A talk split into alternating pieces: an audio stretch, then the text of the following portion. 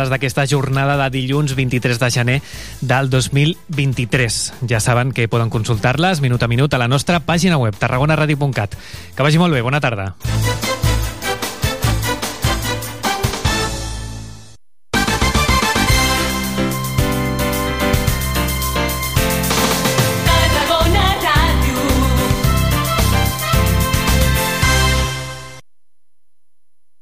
Port Tarragona, motor econòmic de Catalunya. Node logístic estratègic de la Mediterrània. Porta oberta per ferrocarril a Europa i a la península Ibèrica. I espai d'oportunitats industrials i logístiques. Més informació a porttarragona.cat.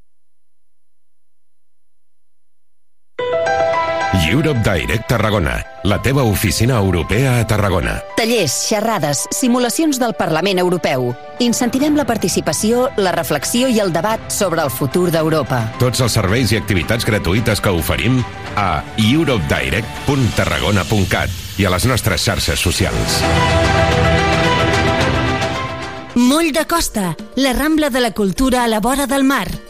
Vine i passeja per l'eix de la cultura, del lleure i de l'esport al Port de Tarragona. Hi trobaràs museus, exposicions, teatre, activitats, espais per passejar i fer esport. Completa la teva visita amb un tas de la gastronomia marinera del Serrallo. Més informació a porttarragona.cat. El diumenge 5 de febrer endinsa't al món fantàstic de Disney al Teatre Tarragona amb la Franz Schubert Filharmonia. Viu en concert la màgia en directe de les millors cançons de pel·lícules com Frozen, El rei lleó, Aladdin, La bella i la bèstia, Coco i moltes més. Entrades a la venda a franzschubertfil.com i entrades.tarragona.cat. Com t'imagines Tarragona d'aquí a 20 anys? T'agradaria formar part de la seva transformació? L'Ajuntament de Tarragona impulsa el nou Pla d'Ordenació Urbanística Municipal, un instrument que ens permetrà dissenyar el futur de la ciutat. Gràcies al POUM podrem establir com creixerà i es transformarà Tarragona, quins elements patrimonials cal protegir i quins equipaments cal construir. Per fer-ho possible, necessitem la teva participació. Apunta't als tallers i itineraris previstos. Digues la teva a través del web participa.tarragona.cat. Perquè Tarragona és teva, tens molt a dir. Perquè Tarragona ets tu. Participa. Ajuntament de Tarragona.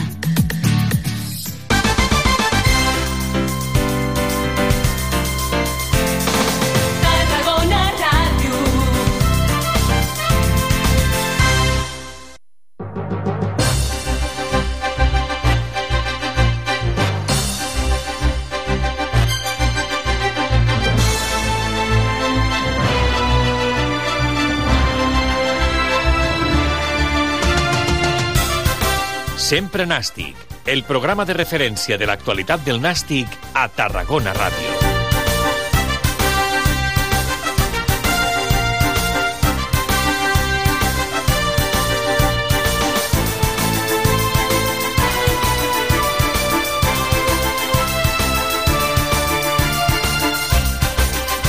Hola, què tal? Bona tarda, com esteu? Benvinguts a una nova edició del Sempre Nàstic en aquesta trentena temporada del programa l'antena de Tarragona Ràdio. Avui fem l'edició número 7187 del Sempre Nàstic, corresponent a aquest dilluns 23 de gener de 2023. El dia després del debut d'Iñaki Alonso a la banqueta del gimnàstic de Tarragona. Una, un debut que segurament és millorable pel que vam veure ahir i un debut que no va fer bo, allò de la dita d'entrenador nou, victòria segura. No va ser el cas.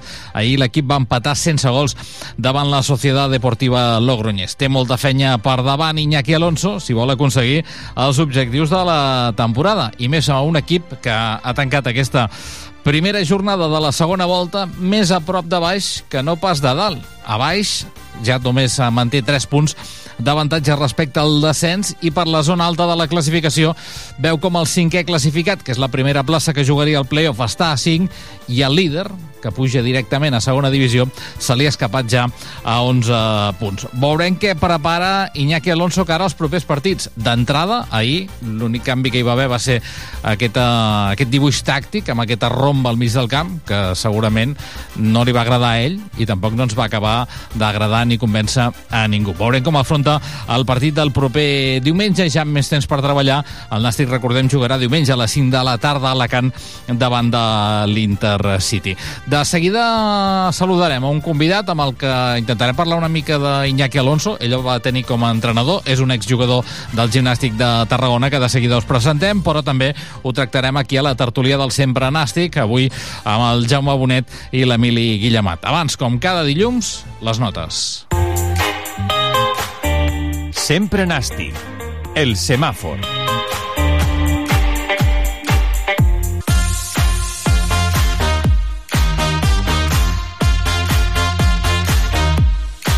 I comencem, com sempre, amb el semàfor verd. El semàfor verd pel temps que li queda per treballar a Iñaki Alonso. Eh? Després de pràcticament tres sessions preparatòries va haver d'afrontar el partit davant de la Societat Deportiva Logroñés i, com deia ahir Eric Montes Arce, doncs a veure si aquesta setmana, que ja poden treballar plenament tota la setmana, doncs aquest Nàstic canvia una mica la seva imatge respecte a la que va oferir ahir al nou estadi. Després de dues derrotes sempre és important eh, puntuar i més aquí, aquí a casa. Evidentment nosaltres volíem eh, sumar els tres punts, però, però bueno, jo crec que és molt important també deixar la porteria a zero després de, de bastantes jornades i bueno, a seguir, a seguir eh, hem tingut un canvi d'entrenador i hem estat a Minyaki crec que només uns quatre dies, així que bueno, ara tenim tota una setmana per centrar-nos en l'Intercity i, i a sortir a tope el diumenge que ve. Aquesta era la nota positiva, aquest temps que hi ha per treballar per davant, per tant, a veure si tot això ho positivitza la plantilla del gimnàstic de Tarragona i l'entrenador. I el semàfor vermell, doncs, què volem que us digui? Per la imatge de l'equip, perquè l'equip ara porta eh, una victòria de les darreres set eh, jornades, per tant, ha sumat 5 dels darrers 21 partits i, a més a més, ara està en la dinàmica més dolenta de la temporada. A principis de temporada, si se'n recordeu, amb Raül Agné, l'equip està quatre jornades sense guanyar, va sumar dos empats i dues derrotes. Ara, de les darreres quatre jornades, l'equip ha, ha acabat eh, sumant, eh, en aquest cas, eh, dos empats i dues derrotes. Ara els ha sumat, a la primera part eren tres empats i només una derrota. Per tant, està en una mala dinàmica. Tot i això, ahir l'entrenador del Nàstic a la sala de premsa extreia punts positius, com la defensa, com no haver encaixat cap gol, però reconeixia que en atac cal millorar molt més. Me voy a quedar con muchas cosas positivas. Yo he visto al equipo esa capacidad de sufrir juntos, he visto al equipo pues eh, que cuando uno cometía un error había otro y bueno pues lo, lo subsanaba. He visto al equipo que creo que el Logroñés no ha rematado ni un tiro entre los tres palos en datos. He visto al equipo más espeso en esa fase ofensiva Doncs això és el que deia Iñaki Alonso en aquesta edició del Sempre Nàstic, que realitza tècnicament a Lluís Comas, amb tota la redacció d'Esports de Tarragona Ràdio. Us parla Jordi Blanc. Dues de migdia i vuit minuts. Fem una primera pausa per la publicitat. De seguida saludem els convidats a la tertúlia.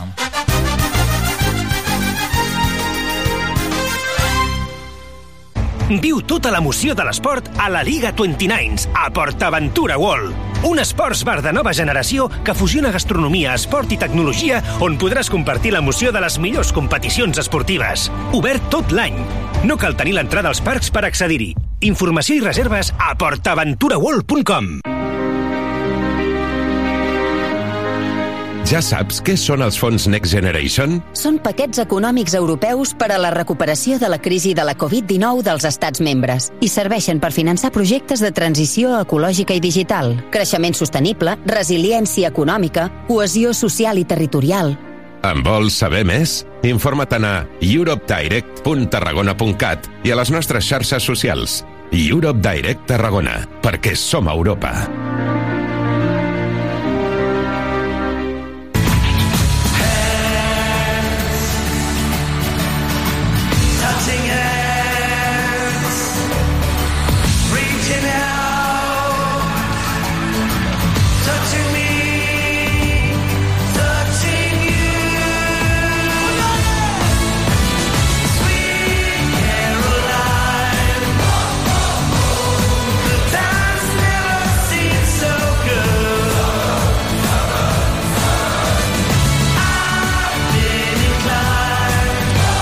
Vinga, anem amb aquest temps de tertúlia aquí a la sintonia de Tarragona Ràdio, el Sempre Nàstic, avui amb el Jaume Bonet. Jaume, què tal? Bona tarda. Bona tarda, molt bé, gràcies. I amb l'Emili Guillemat. Emili, què tal? Bona tarda. Hola, molt bona tarda. A més dos parlarem d'aquesta actualitat i de seguida saludarem a l'exjugador del Nàstic, Luis Migracia, actualment ja fa temps retirat del món del futbol, és representant de futbolistes, que per cert, eh, el Nàstic crec que té a, a Nil Jiménez, si no va xerrat, però parlarem amb ell, bé, d'aquesta faceta, ara un mes de gener, per tant vol dir que, que els representants de futbolistes tenen feina, perquè és un mes hàbil per fer eh, incorporacions, eh, però sobretot parlarem perquè ell, la temporada que arriba al Nàstic és la temporada eh, de l'ascens amb Vicente Moreno a la banqueta, i l'anterior, ell havia jugat a l'Huracan València precisament sota les ordres d'Iñaki Alonso i per tant així coneixerem una mica més la figura d'Iñaki Alonso eh, de seguida parlem amb ell però abans, Jaume, què et va, què et va semblar el partit d'ahir?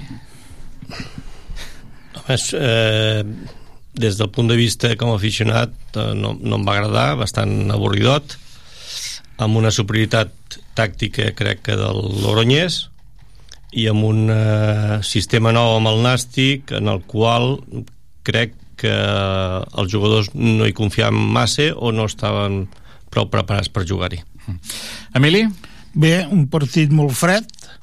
Eh, per mi, els jugadors, és el que ha dit en Jaume, o no van entendre o no ho van saber entendre el canvi aquest de, de, de, de tàctica i, i dir, per mi van, vam estar perduts tot el partit. No, no, no sabien què fer els jugadors pilot enrere i pilot enrere i pilot enrere vull dir, no, no entenc, vull dir, per mi que es van fer una empanada entre el que estaven fent amb el Raül Agné i el que els hi van dir que, que havien de, de fer. Es van fotre una empanada tal que no en vam sortir de cap manera i si no xutem a porta no fem gols. L'únic positiu que no ens en van fer cap. Mm, ahir es va aconseguir mantenir És la porteria a és zero. l'únic, perquè Sí. sí. pel de més es necessita un mort i ganes i ser d'això és per anar al camp a veure l'actual gimnàstic. Ah, avui aquest matí els companys que hi havia a la tertúlia parlaven d'això, d'aquesta indif indiferència que El hi ha públic en cap moment va cridar Nàstic. nàstic, no ho va cridar en cap moment. Ho veus també, Jaume, això? Que, bueno, no sé, que, que s'ha anat perdent una mica l'afecció perquè... en, bé, en no... aquest any i mig, excepte els últims partits eh, del playoff, la gent no es va animar perquè veia un, un equip monòton, no? que no donava alegries, no? sí, alguns resultats, però no alegries, i aquest any crec que segueix igual. Clar, ca canvies d'entrenador i esperes que almenys, encara només sigui els primers eh, 30 minuts, la gent surti disposada a guanyar el partit i a desmarxar-se, no? I, a, i, a, i aprofitar el canvi d'entrenador com, com una mostra de dir, va, tirem amunt, però no, va ser el mateix o, o poder menys, no? Mm. Eh, mira, deixeu- deixeu-me que saludi el Lluís Migracia, que em diu el Lluís que ja, que ja el tenim. En dos minuts arribem al punt de- d'un quart de tres de la tarda i de seguida continuem parlant, perquè aquesta setmana ha estat una setmana que han passat moltes coses eh, i per tant ho hem d'analitzar aquí a la taula del Sempre Nàstic. Lluís Migracia, bona tarda. Hola, bona tarda. Avui el Lluís Mi passa pel Sempre Nàstic per, bé, per veure una mica eh, com li va aquesta nova tasca després ja de fa algunes temporades d'abandonar el món del futbol eh, i passant a ser representant de futbolistes. Lluís Mi, què tal este, este cambio de, de vida? Bueno, eh, el cambio diferente, o sea, todo cambio tiene su, su parte buena y su parte mala. Siempre cuando has estado relacionado al fútbol, pues pues es, bonito seguir seguir ligado a él de otra manera, eh, verlo desde otra perspectiva. Pero bueno, eh, cuando dejas de jugar a fútbol y has sido futbolista, entonces, bueno, eh, pasa por momentos de todo tipo.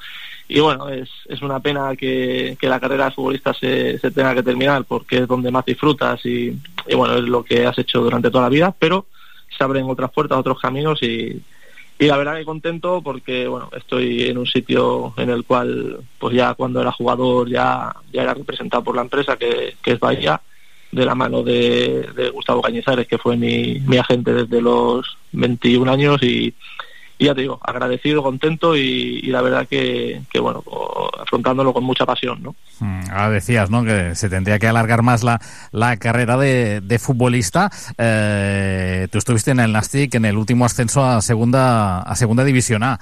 Eh, no sé un poco qué, qué, qué recuerdas de, de esa etapa.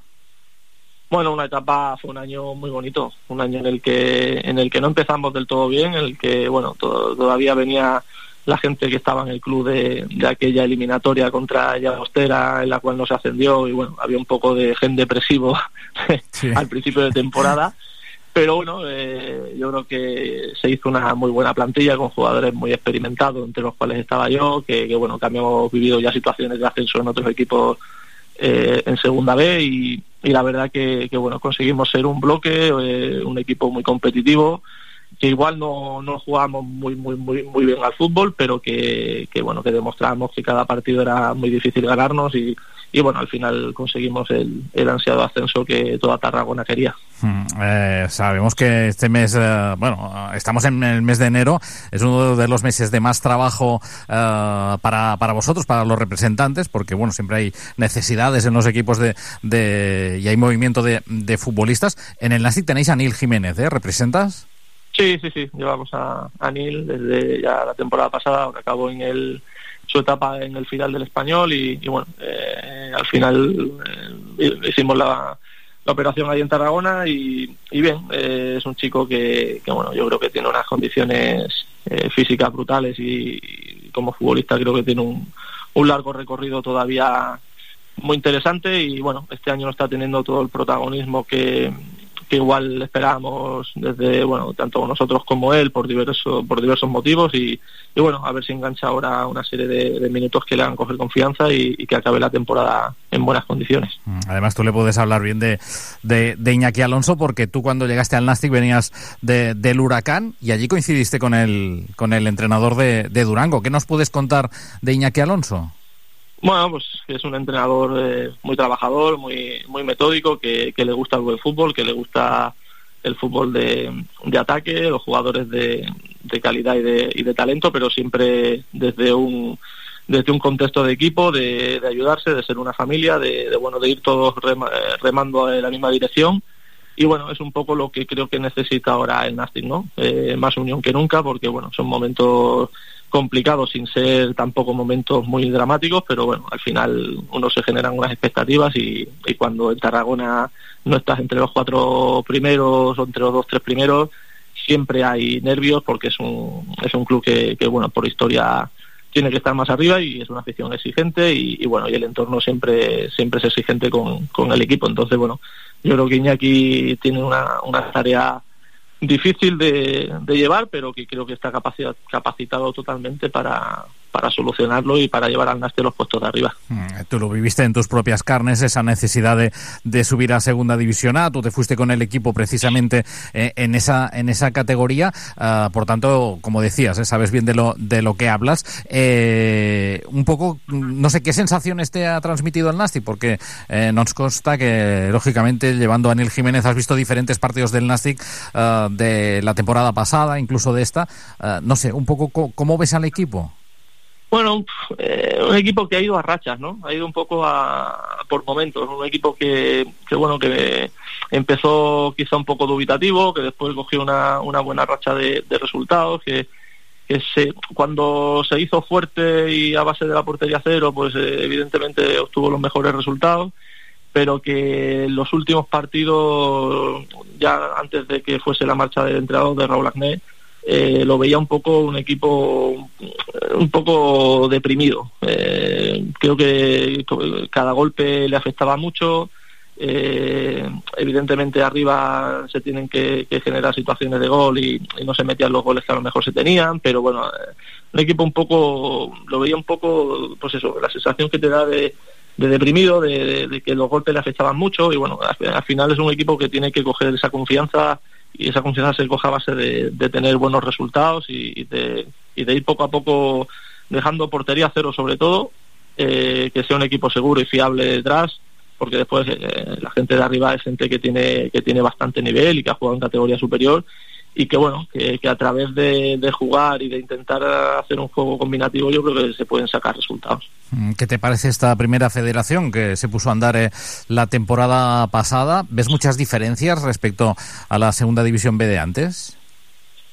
Hombre, eh, sí que es cierto que, que, cualquier equipo te puede ganar. Entonces eso demuestra que, que todos los equipos tienen nivel, tienen buenos jugadores, Evidentemente la gran diferencia son los campos en, los que se juegan, que todos los campos están en buenas condiciones y, algunos son campos excelentes.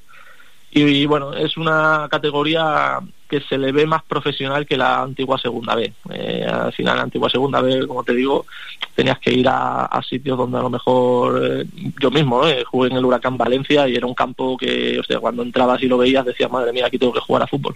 Ahora eso, eso no pasa y, y está todo mucho más profesionalizado y eso te lleva a que la clasificación esté tan apretada, que ganes tres partidos y te puedas colocar quinto o sexto, o que pierdas tres partidos, en el caso del Nasty, no tengas buenos resultados y te veas más cerca de abajo que de arriba. Entonces, eso lo hace bonito, lo hace competitivo, pero lo hace muy exigente. Muy bien, pues Luis, mi gracias, que sabemos que tienes una reunión, te dejamos, que muchas gracias por uh, pasarte por el Siempre Nastic y nada, que vaya muy bien. Muchísimas gracias a vosotros. Un abrazo. Un abrazo, gracias.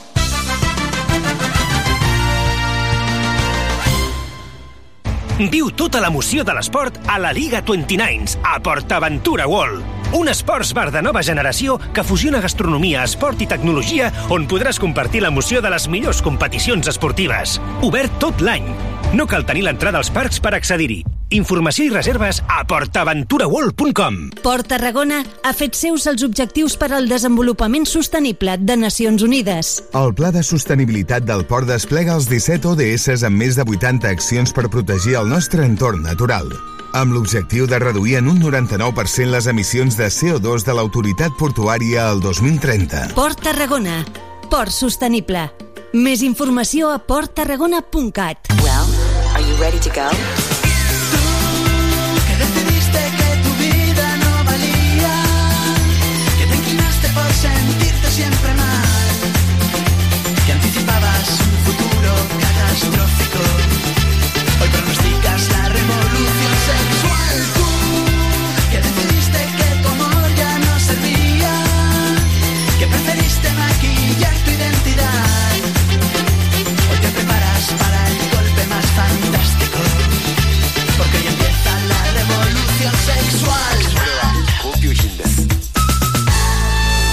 Bueno, doncs eh, ja hem sapigut una mica més d'Iñaki Alonso, almenys al punt de vista d'un dels jugadors que l'ha tingut com és, eh, com és eh, Luis Migracia. Eh, què us sembla la tria de... Després preguntaré per Agne, però d'entrada comencem per la tria d'Iñaki Alonso per substituir a, a Raúl Agné. Què et sembla el perfil de, de, d'entrenador, Jaume, i si creus que és un... Bé, amb un canvi d'aquests, eh, suposo que el que busques és un perfil d'entrenador de resultat immediat, perquè no hi ha massa temps aquí per donar-li toms. el, el perfil que s'intueix és que és un, un entrenador que, que confia en la gent que té, que vol que tot tiri endavant, remant en la mateixa direcció, tot això que sempre diem als entrenadors i, el, i els aficionats, i que tingui un punt més d'ofensivitat que no pas tenia Raúl Ané, perquè si no fas el canvi no sé per què el fas. Això ahir no es va veure, suposo que a nivell grupal també és difícil després d'un any i mig que has tingut un entrenador en el qual suposo que s'hi portaven bé i que, i que feien bona pinya eh, fer un canvi amb un altre entrenador i amb un sistema diferent que no, ahir no va quallar mm. La idea de per què es va triar Iñaki Alonso suposo que les, els directius de, esportius del club suposo que sabien en qui confiaven i, i van decidir eh, agafar Iñaki Alonso. També per lo que s'ha filtrat per la premsa que tenia que ser d'una manera determinada, que tenia que vindre ell sol no? i sense segon, ni preparador físic ni entrenador de porters això també condiciona a qui pots escollir mm. si s'ha Bueno. escollit amb aquest és perquè de tot el que hi havia se suposo que és el que podia donar el perfil que, que buscava Al final ha vingut amb un analista tècnic, que és Fernando, Fernando Alonso, però sí que una de les condicions era mantenir el cos tècnic de, de, de la casa, no? Dani Vidal, Sí. Joan Torné i, sí, bueno, i Manolo, Manolo Oliva. Segurament qualsevol entrenador que hagués vingut, doncs, eh, bueno, almenys n'hi havia un que ben col·locat, no? que tothom en parlava, que era Pedro Munitis, volia portar el seu segon i el seu preparador físic. No tant així segurament l'entrenador de porters, perquè jo crec que actualment Manolo Oliva és dels millors entrenadors de porters que hi ha, que hi ha al futbol, al futbol nacional. Eh, Emili, què et sembla la figura d'Iñaki jo Alonso? res, estic d'acord amb el que explica el Jaume Bonet i tècnicament això no, no, no li he d'ensenyar res. Jo crec que aquí el que ha privat més ha sigut l'assumpte econòmic. Des del primer dia i des d'abans es parlava que el Pedro Munitis semblava que ja estava fet. El que passa que el, que el, fitxar, el, el Pedro Munitis venia amb el seu equip i amb els seus tècnics. Això què vol dir? Doncs que tu t'has de desprendre del cost tècnic que tens tu. Els has d'indemnitzar, els has de pagar i, i d'això, vull dir, hem fitxat aquest per mi perquè eh, econòmicament, a part de que tècnicament també ho han digut estudiar, suposo, un vist l'historial, però el, el que ha privat més aquí ha sigut el tema econòmic, perquè si el gimnàstic hagués tingut diners, el Pedro Munides amb el temps que fa acabar darrere del nàstic veient-lo per aquí i per allà, ja li havien xiulat les orelles. El que passa que al final doncs han digut fer números i els números doncs no els hi sortien. Eh, jo ho, ho veig d'aquesta manera. I, cre- i, I aquest entrenador ara portava un temps que estava fora d'aquí. Vull Havia dir, estat també- a, a Costa Rica, no? Estava a Costa. Rica, vull dir, també, també em sembla que porta un parell d'anys fora d'aquí, no? Vull dir, que, que, que, que els partits d'aquí, doncs, està, ha estat dos anys sense veure'ls, i aquesta categoria no la coneix. I això, Bueno, jo no di- Jo diria que el, el tema econòmic és el que marca. Eh, jo et diria que, home, que no la coneix no tant, eh? eh? El que sí que és cert és que la temporada passada també, allà ja sabeu que a Sud-amèrica va diferent això, hi ha el torneig de- d'apertura, no? De, Sí, apertura i clausura. I, i clausura, eh, va estar Mm. en un dels dos, ara no em facis dir quin perquè tampoc no sóc eh, especialista en el futbol internacional, però bé, eh, la temporada 2021 encara està a l'Alavés eh, a l'Alavés B, el filial de, de, de l'Alavés, i aquesta temporada curiosament, no sé, jo crec que no, que no sabia res, però bé, eh, eh, eh, segueix molt futbol basc, lògicament no, no, no té, està a l'atur, per dir-ho d'alguna manera, seguia molt futbol basc, i el Nàstic, in situ, ens va veure ja a Calahorra, allà nosaltres el vam veure a les grades, però bé, és allò que tampoc no em fas massa cas, eh, ens va veure al camp de la Real Societat B, allà ens van veure uns quants entrenadors, entre ells Pedro Munitis, però també hi havia Iñaki Alonso, Alezama també ens va veure, Ja, ja. I jo no sé si sabia alguna cosa o no, però curiosament, i així ens ho va confirmar, eh, perquè, perquè a més a més és que ell ho va penjar a les seves xarxes socials, eh, va veure el partit del camp del Cornellà. I era un cap de setmana en què en el seu timeline de, de, de Twitter posava tots els partits que veia, tots eren partits d'equips bascos, i en que apareix un, un cornellà nàstic, no? I això et sorprèn una, una miqueta més. Per tant, jo crec que sí, home, que, que, que no està tan allunyat de, del món del futbol, però sí que potser ara feia un temps, Jaume, que estava més en el futbol formatiu, no? Perquè va passar eh, tres temporades al filial de, de l'Alavés, a més a més amb aquella... Eh, se'n va anar a Croàcia també amb un equip que té vinculació amb el capital de, de, de l'Alavés, L'Alavés, i per tant, mm. bé, tot una mica més futbol formatiu, no? Bé, futbol formatiu, però com bé has dit tu, amb el seu timeline de cap de setmana Sí. que indica que veu molts partits de segona B, no? El que vol dir que està més o menys al dia. Eh, que hagi estat a Costa Rica doncs, eh, un clausura o una apertura són sis mesos. Tampoc s'ha perdut eh, Sí, havia sent, a, a, a, a un Eh? De temporades. No, no, no, que va, que va, M'ha que va. semblava haver No, no. llegit en algun lloc Eh, per a veure, seguit el, aquests dos el, anys. el, eh? el, el que vol seguir d'entrenador, crec que unes declaracions deia que volia seguir sent eh, entrenador professional, vol dir que està al corrent del, del que passa. Eh, I si ha anat a veure el Nàstic a Calahorra, a l'Ezama i a, i a les instal·lacions del, de la Real Societat, vol dir que el seu representant eh, li havia comentat alguna cosa que ara- almenys, que almenys l'havia presentat al Nàstic i que, que era bo que seguís les seves, les seves pensa en- incidències Pensa en aquests tres partits del Nàstic, eh?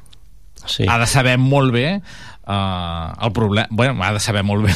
Uh, vist en primera persona el pitjor nàstic de la temporada, eh? A Calahorra va ser un desastre d'equip, mm. al camp de la Real Societat B un altre desastre d'equip i potser l'únic que ho salva una mica és l'Ezama però tampoc no va ser allò de, de que busquessin sí. massa la porteria contrària Sí, però, però un entrenador, quan està a l'atur, el que vol és entrenar. I sembla, i et sembla, que tu pots arreglar el que veus, encara que sigui dolent, perquè tu tens unes idees, una manera de fer, creus que li falta això, això, això, i que tu li pots aportar. Després, quan t'hi trobes, ja no és tan fàcil. Però el que vol entrenar, vol entrenar. I és difícil dir que no quan tens una oportunitat com aquesta. A mi el que més m'ha il·lusionat ara era parlant amb Luismi que deia eh, bé, del seu record amb l'Huracan que, que és un entrenador que li agrada anar a buscar el contrari a arribar a porteria, a porteria contrària i jo penso que, que el Nàstic té jugadors per, per fer això. El que passa que, clar, tot això cal conjuntar-ho i suposo que també, eh, pel que haurà vist del Nàstic encaixant molts gols, és no oblidar la part del darrere. Bueno, no? ahir defensivament se va estar bé perquè és veritat, les estadístiques no menteixen. El, el Logroñés no va xutar a porteria, jo no recordo cap eh, aturada de, de Manu Garcia. Sí que van tindre arribades i centrades, però amb les centrades laterals el Nàstic sap defensar bé, i Quintanilla i Josema van estar molt bé. Eh, llavors, eh, què has d'atacar? Sí, has d'atacar però sense perdre la, la, la seva solidesa defensiva i jo crec que ell a la segona part potser abans ja se'n va donar compte, la segona part va dir, bueno, doncs tinc que anar una mica més amunt, i només acumulant més jugadors a la part eh, de dalt del, de l'equip va almenys donar la impressió doncs, que podia arribar a un gol, que hi va haver un parell de jugades que, que les, les van tenir.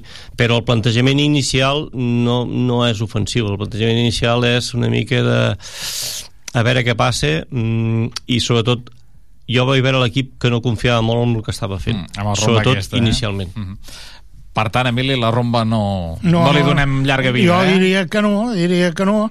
I escolta, i els dos únics centros bons els va fer el Bonilla quan va sortir, els dos centros bons a l'àrea que van crear un cert perill, vull dir, són del Va Bonilla. ser els, els únics UIAs, no? Sí, Tot i que hem de sí, reconèixer que hi va haver un xut de Marc Fernández que el portejero la va sí, treure bé. Podia ser l'única ocasió de gol que hi va haver en el partit. Sí, en el partit. sí. Després hi ha una centrada d'Aaron Rey molt perillosa, no? d'aquestes que Sí. es passeja per davant de la porteria, que gairebé la toca el defensor, que se la Sí, podia haver posat dins. hi ha una però vegada final que, que el Sí. defensor dic, ara, ara se'l fan Sí, ells va- mateixos. Hi va haver un parell de corners que també es van rematar no? per part de Guillermo Fernández, no, no van anar a porteria, però van anar doncs, a prop i alguna situació més, però Molt clar, poc bagatge, és poc. això. Sí, clar, no, és no, que, sí, és molt que poc, molt poc. el No, que no. tens que tindre clar que quan jugues amb un equip amb un sistema 4-4-2 amb rombe i els dos puntes tampoc són puntes reals perquè Marc Fernández és, jo crec que és més banda i entra cap dintre encara notes més que et falta el Pablo Fernández ahir encara es va notar més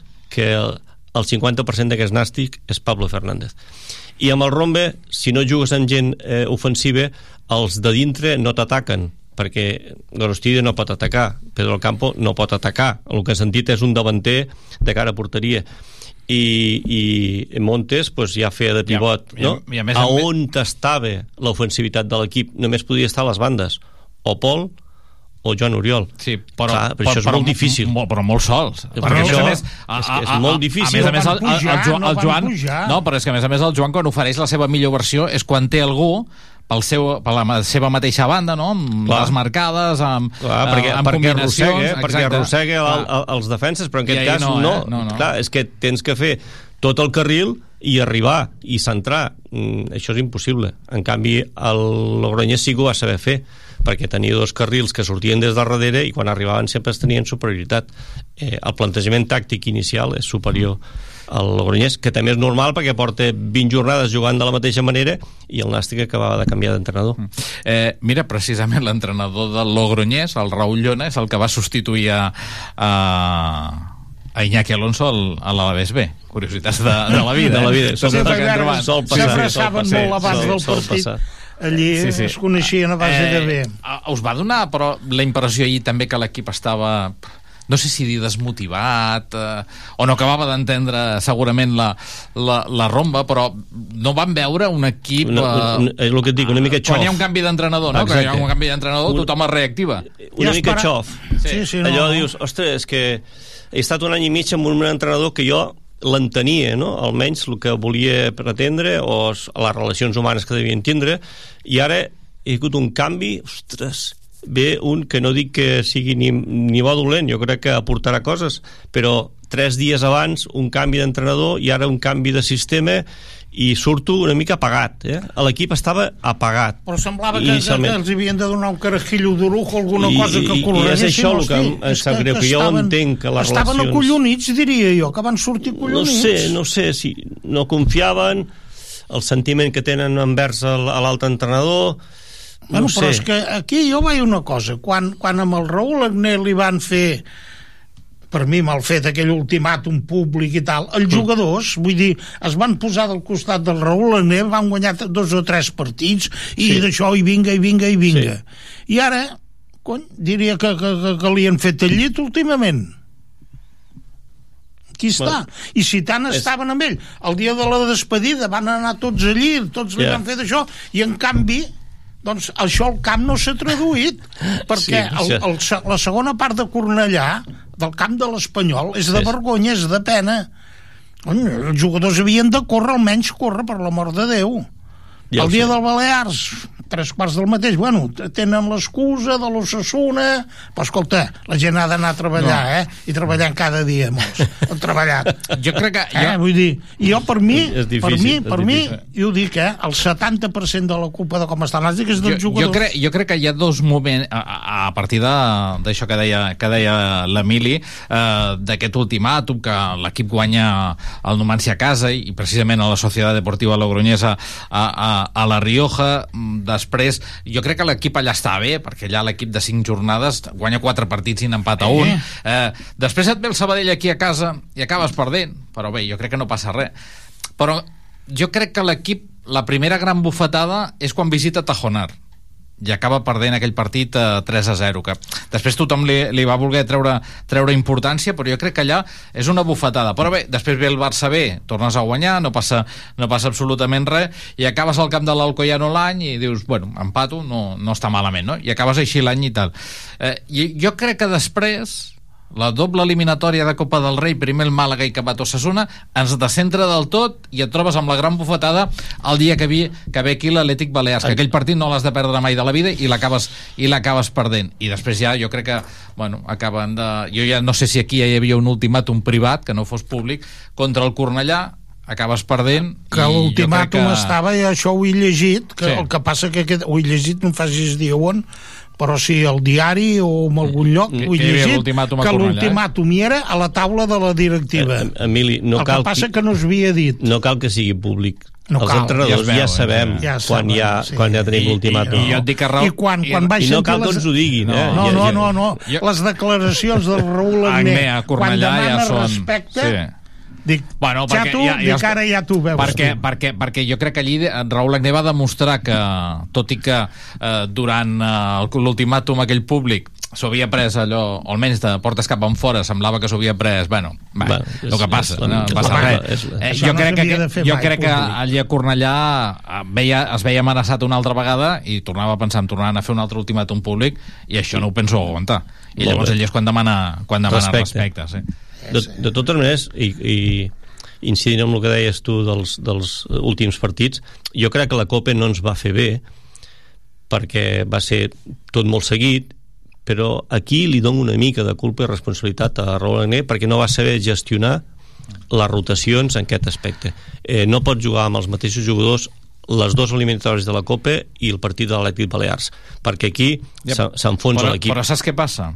Que jo crec que mm, Raúl Agné, fins i tot els jugadors i també els dirigents, amb la Copa t'il·lusiones de que en el sorteig et tocarà algú. Llavors tu vas a per la victòria perquè et torni a passar el que et va passar a tu, Jaume, que et toca Sí. el Real Madrid, no? I clar, Sí. el Real Madrid no va sortir, perquè va sortir el Màlaga, que era equip de... Bueno, llavors eh, eh, no et podia sortir el Madrid encara, no?, amb l'eliminació de, de, de, del Màlaga, però et podia haver sortit algun equip més, més important, no et va sortir, i després quan te toca un primera, ostres, et toca Osasuna. No, doncs te toca Osasuna, Ja, ja. però ja jugues perquè t'ha tocat jugar amb l'Osasuna. I prou, i jugues amb qui creus, perquè la plantilla jo crec que és prou llarga per fer rotacions i jugar amb diferents jugadors l'eliminatòria de Copa i després la jornada de Lliga, que és important, que és l'Atlètic Balears. I no, i repetim, repetim, repetim, havent pròrroga i, i inclosa. I això, i ho vaig dir un altre mitjà, el que no juga, no juga ni Copa ni Lliga, i això sí que li fa mal. I el que juga inclús diu jugo Copa i Lliga i vaig cansat i Ja tinc l'excusa perfecta Ja vas veure com van acabar el partit eh, Joan Oriol i Pol Domingo, que havien jugat eh, tots els minuts de la Copa. Doncs ja està. Això és una mala gestió de la part eh, tècnica del, de l'equip. Eh, quina sensació t'emportes de, Emili, de Raúl Agné, ara que ja no hi és una temporada i mitja al Nàstic, havent, bé, de, deixant el Nàstic pràcticament a les portes de, de segona divisió, no? Sí, sí.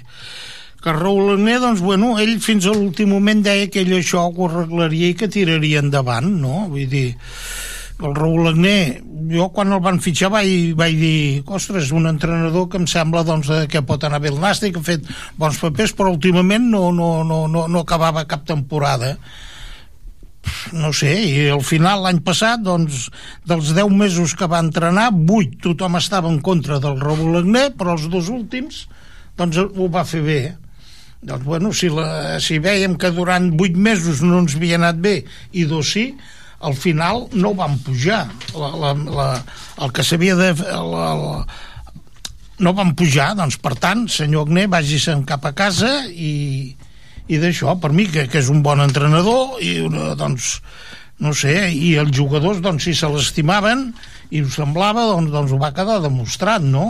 Bona persona, eh, eh, podia parlar, però doncs les coses no, no li han sortit, doncs va, que no li surten en lloc, perquè dos temporades seguides no les ha, no les ha acabat, no? I, dir, i aquí eh, quan, quan se'l va acabar de fitxar amb una plana la premsa parlava de que se'l renovava i a l'altre deien en compte que el segon any no l'ha acabat en lloc ja, ja, ja, ja va posar totem eh, el, el d'això. I, i a la mínima doncs enguany el que ha passat. Sí, però ja hi va haver una indecisió al final de temporada perquè va fer doncs, eh, la bona, el bona playoff però no va fer una bona temporada aquí estàs, és el que he dit i jo. la gent sempre ha protestat doncs, que no es jugava prou bonic com perquè sí. la gent s'afegís al, al, al carro no?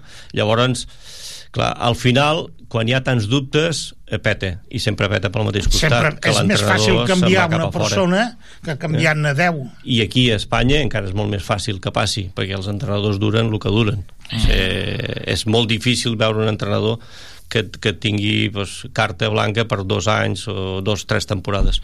I aquí jo crec que radica el problema no solament del Nàstic, sinó de molts clubs però bé, això tampoc ho canviarem tampoc, tampoc no. no. i menys en categories com aquesta eh, on està el Nàstic que, no, que, no, que, que és una categoria que és deficitària anava a dir no és rentable, no, no, no és que no sigui rentable no, és que és deficitària no? l'altre dia a la reunió que hi va haver a la Federació Espanyola de Futbol s'estava parlant de, no sé si en torn als 40 milions d'euros de dèficit de tota la categoria per tant, números cl molt clars eh? 40 milions d'euros, hi ha 40 equips equips, milió, milió per cap. Hi haurà alguns de menys, haurà, a veure, hi ha els filials que no tenen aquest dèficit, per tant, la resta s'acaben repartint sí, sí. El, el, el dèficit de, dels filials, però és insostenible aquesta categoria. Veurem si hi ha alguna mena de reforma, perquè futbolísticament no sembla...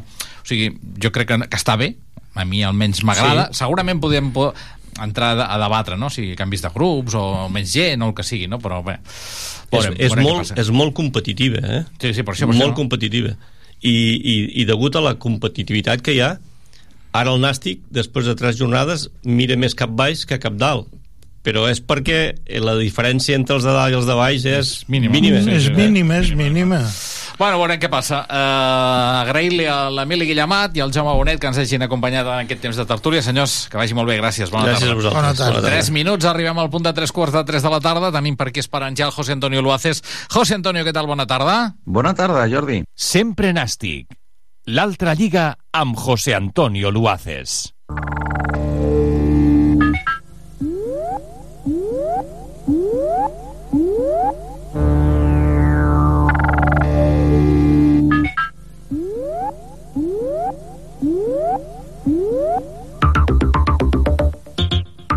José Antonio, primera jornada de la segona volta, amb estrena d'entrenador a la banqueta de, del Nàstic. Eh, què et va semblar el partit d'aquest diumenge i quina és la situació numèrica ara mateix de l'equip que dirigeix Iñaki Alonso?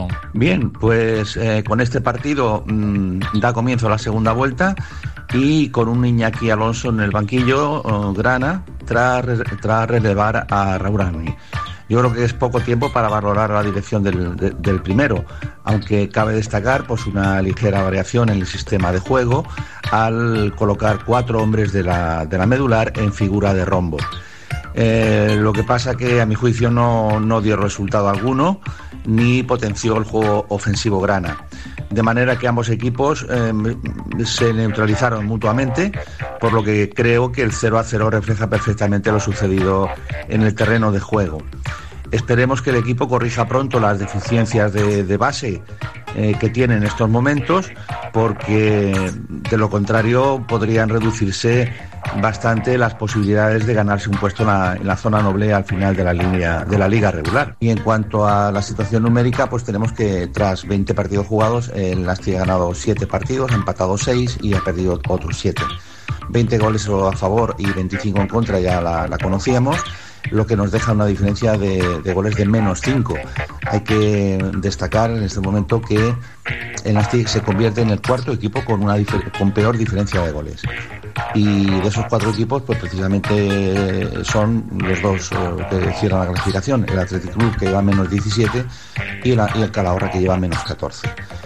Así que esta situación nos ha dejado 27 puntos de, de 60, un porcentaje de un 45%, mm, lejos del deseable, y una media de 1,30, que mm, si finalizáramos ahora mismo la, la clasificación, pues el Nastic eh, acabaría en, en- la zona media con 50 puntos, o sea, lejos de cumplir los el objetivo mínimo del, del playoff. Y también decir que en estos momentos estamos a 5 puntos de la quinta plaza y eh, a 11 del líder, el Dense, lo que considero una diferencia importante y que va a ser muy complicado, por no decir imposible, que el Nastic acceda, tenga opciones de acceder a, la primera plaza. Así que esto nos ha dejado ahora mismo un déficit de puntos de, eh, de cuatro y medio, de- superior a cuatro y medio, cuatro puntos y medio, respecto a la previsión de llegar a una quinta plaza al final de la temporada eh, con 60 puntos. O sea, ahora mismo estamos en 50.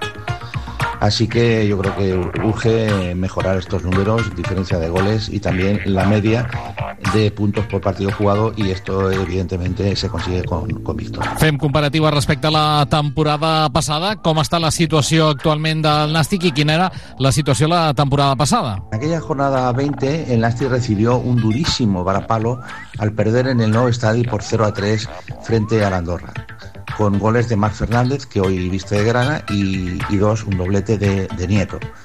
Eh, creo que todo el mundo tenemos todavía en la memoria aquel, aquel triste partido.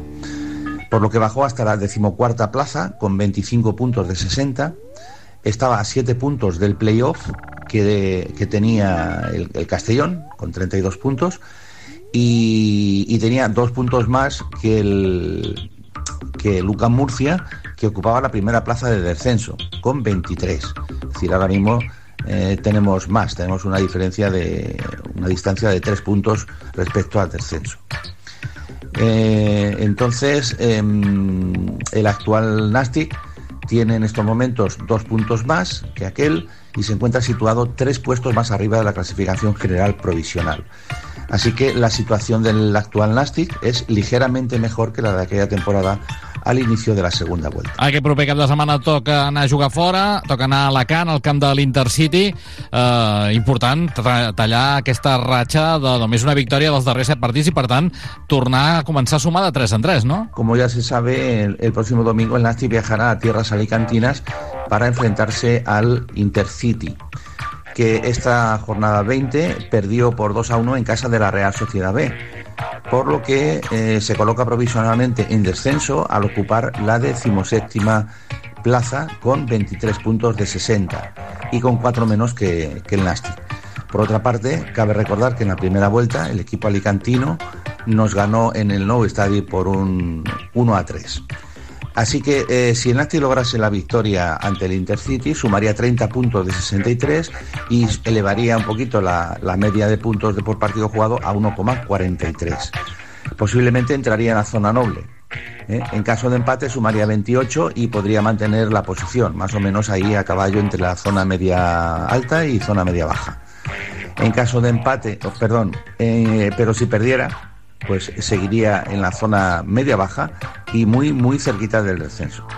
También hay que tener en cuenta que en estos momentos en la zona media de la clasificación hay ocho equipos en tres puntos, concretamente desde, la octava posición al decimoquinto puesto, que es el, el, inmediato superior a la zona de descenso. Así que mucho, mucho ojo en nuestra visita al campo del Intercity porque nos podríamos poner ahí muy, muy cerquita del descenso en caso de, de perder el partido. Principals estadístiques que ens ha deixat aquesta vintena jornada al grup 2 de Primera Federació. primera jornada de la segunda vuelta pues ha sido, ha sido anticasera, puesto que tan solo se han dado dos victorias locales, que es la tercera vez mm, de esta temporada que se consigue es- esa, esa cifra tan baja. Concretamente ocurrió en la jornada segunda, en la decimoprimera y, y en esta la, la vigésima. Así que en los 200 partidos jugados hasta la fecha, las victorias locales han sido 84, que supone un 42%. Eh, eh, victoria visitante es un 53, que supone un 26,5%, más o menos en la misma línea que se acabó la temporada pasada. Pero ojo porque ya se han producido 63 empates con un porcentaje de 31,5%.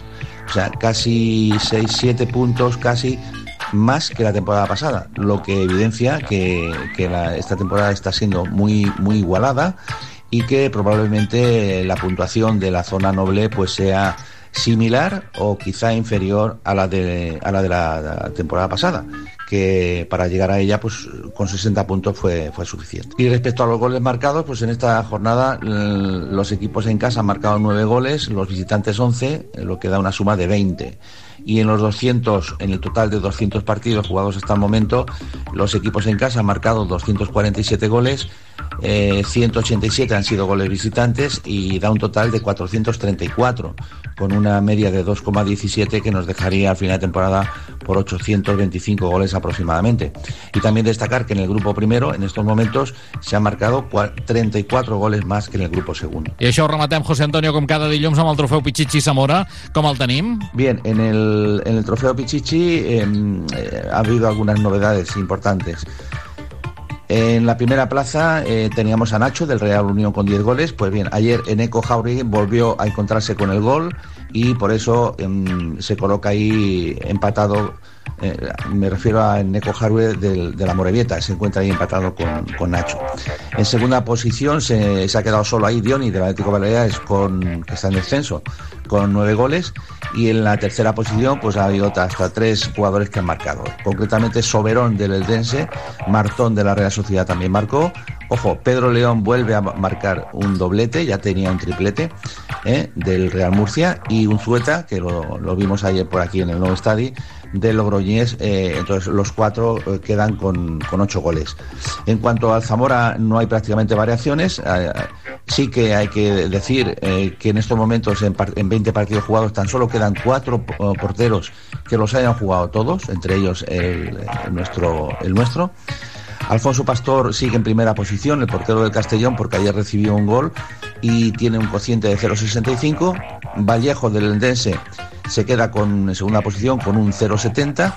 Y luego los en tercera posición, que ayer eh, los dos encajaron goles, se encuentra Unai Marrero de la Real Sociedad con 0,88 y Lucas Anáquer del Cornellá con 0,95 goles por partido jugado. La lista de goleadores del Látigo tampoco sufre ninguna variación. Se han utilizado, o, se han alineado 22 jugadores hasta el momento eh, y la mitad, justamente 11, han, han sido capaces de conseguir un gol.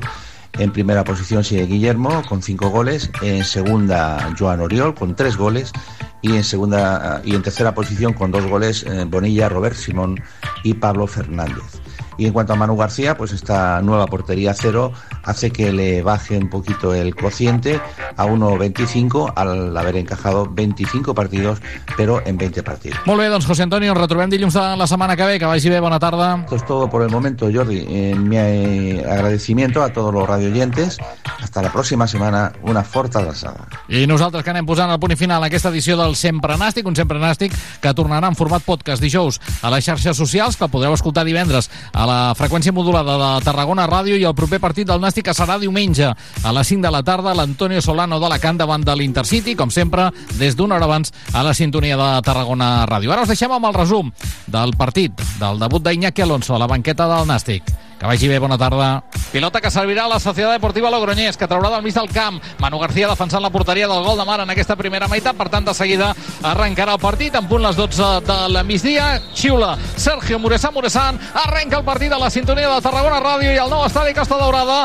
Mou pilota ja la Societat Deportiva Logroñés. Pilota en profunditat que intenta evitar aquí a Joan Oriol, que ha defensat molt bé aquesta pilota, la que hi volia arribar Castri, però finalment l'assistent diu que no, que la pilota havia sortit fora i per tant acabem de cedir el primer servei de cantonada del partit esquerra de la porteria del Nàstic. Gorostidi li han refusat la pilota però ell mateix l'ha controlat per Aaron Rey, aixeca el cap Aaron Rey pilota per Pedro del Campo, bona passada aquesta per Pol Domingo, carril de la banda dreta davant d'ell Paredes, enganya Pol Domingo ve cap al centre, aguantarà la pilota perquè la toqui Montes Arce aquest enrere, buscant Quintanilla. Ara la passada enrere a Montes Arce no ha agradat al públic del nou estadi perquè ha deixat la pilota altra vegada enrere, la posa Montes Arce cap a Guillermo, Guillermo que ha fet el control amb el cap, la baixa al terra però l'estan pressionant, torna a tenir pilota altra vegada Guillermo, vol provar Guillermo fora el llançament de Guillermo a l'esquerra de la porteria de Jero A veure si el jugador finalment li, el poden atendre els vestidors o l'hauran d'evacuar a l'hospital. No?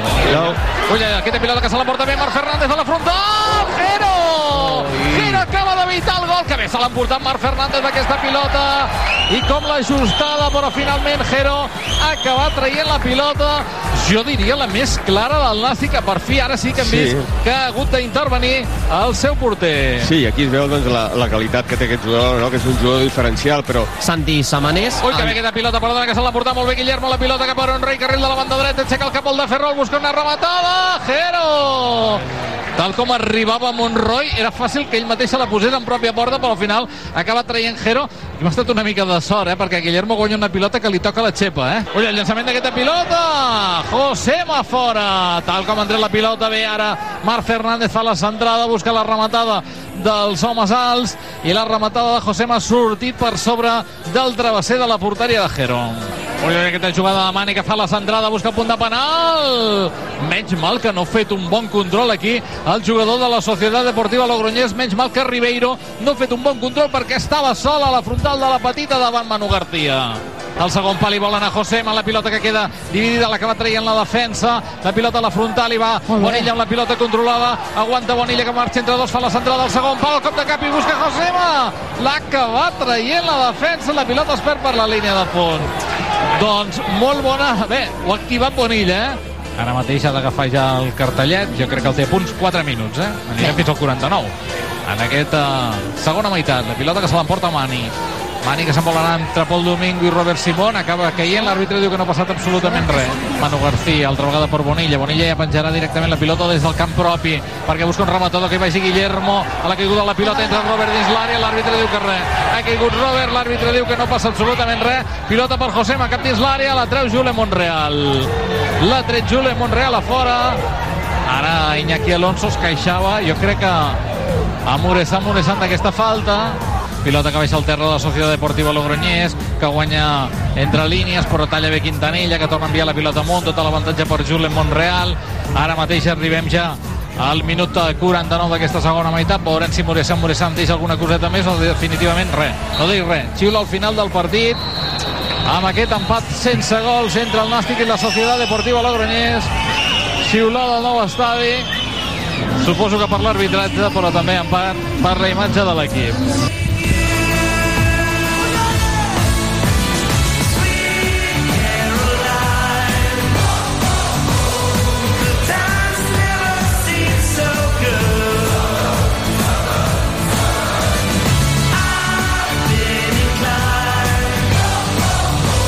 Sempre Nàstic.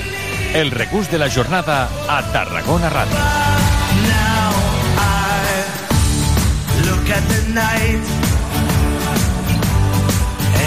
Don't seem so lonely. We fit it up with only two. And when I heard, heard it rise off my shoulders, how can I hurt and holding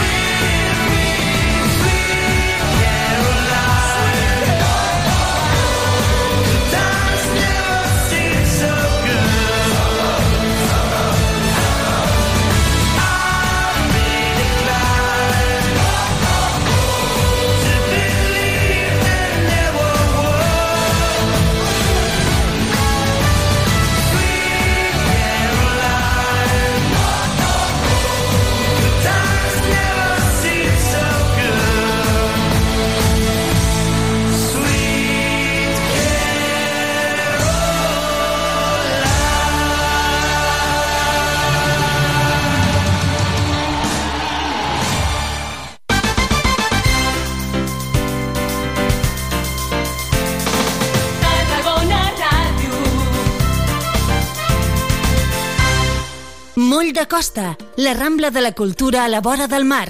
Vine i passeja per l'eix de la cultura, del lleure i de l'esport al Port de Tarragona. Hi trobaràs museus, exposicions, teatre, activitats, espais per passejar i fer esport. Completa la teva visita amb un tas de la gastronomia marinera del Serrallo. Més informació a porttarragona.cat. Tarragona vol ser una ciutat lliure de violències masclistes i LGTBIQ-fòbiques.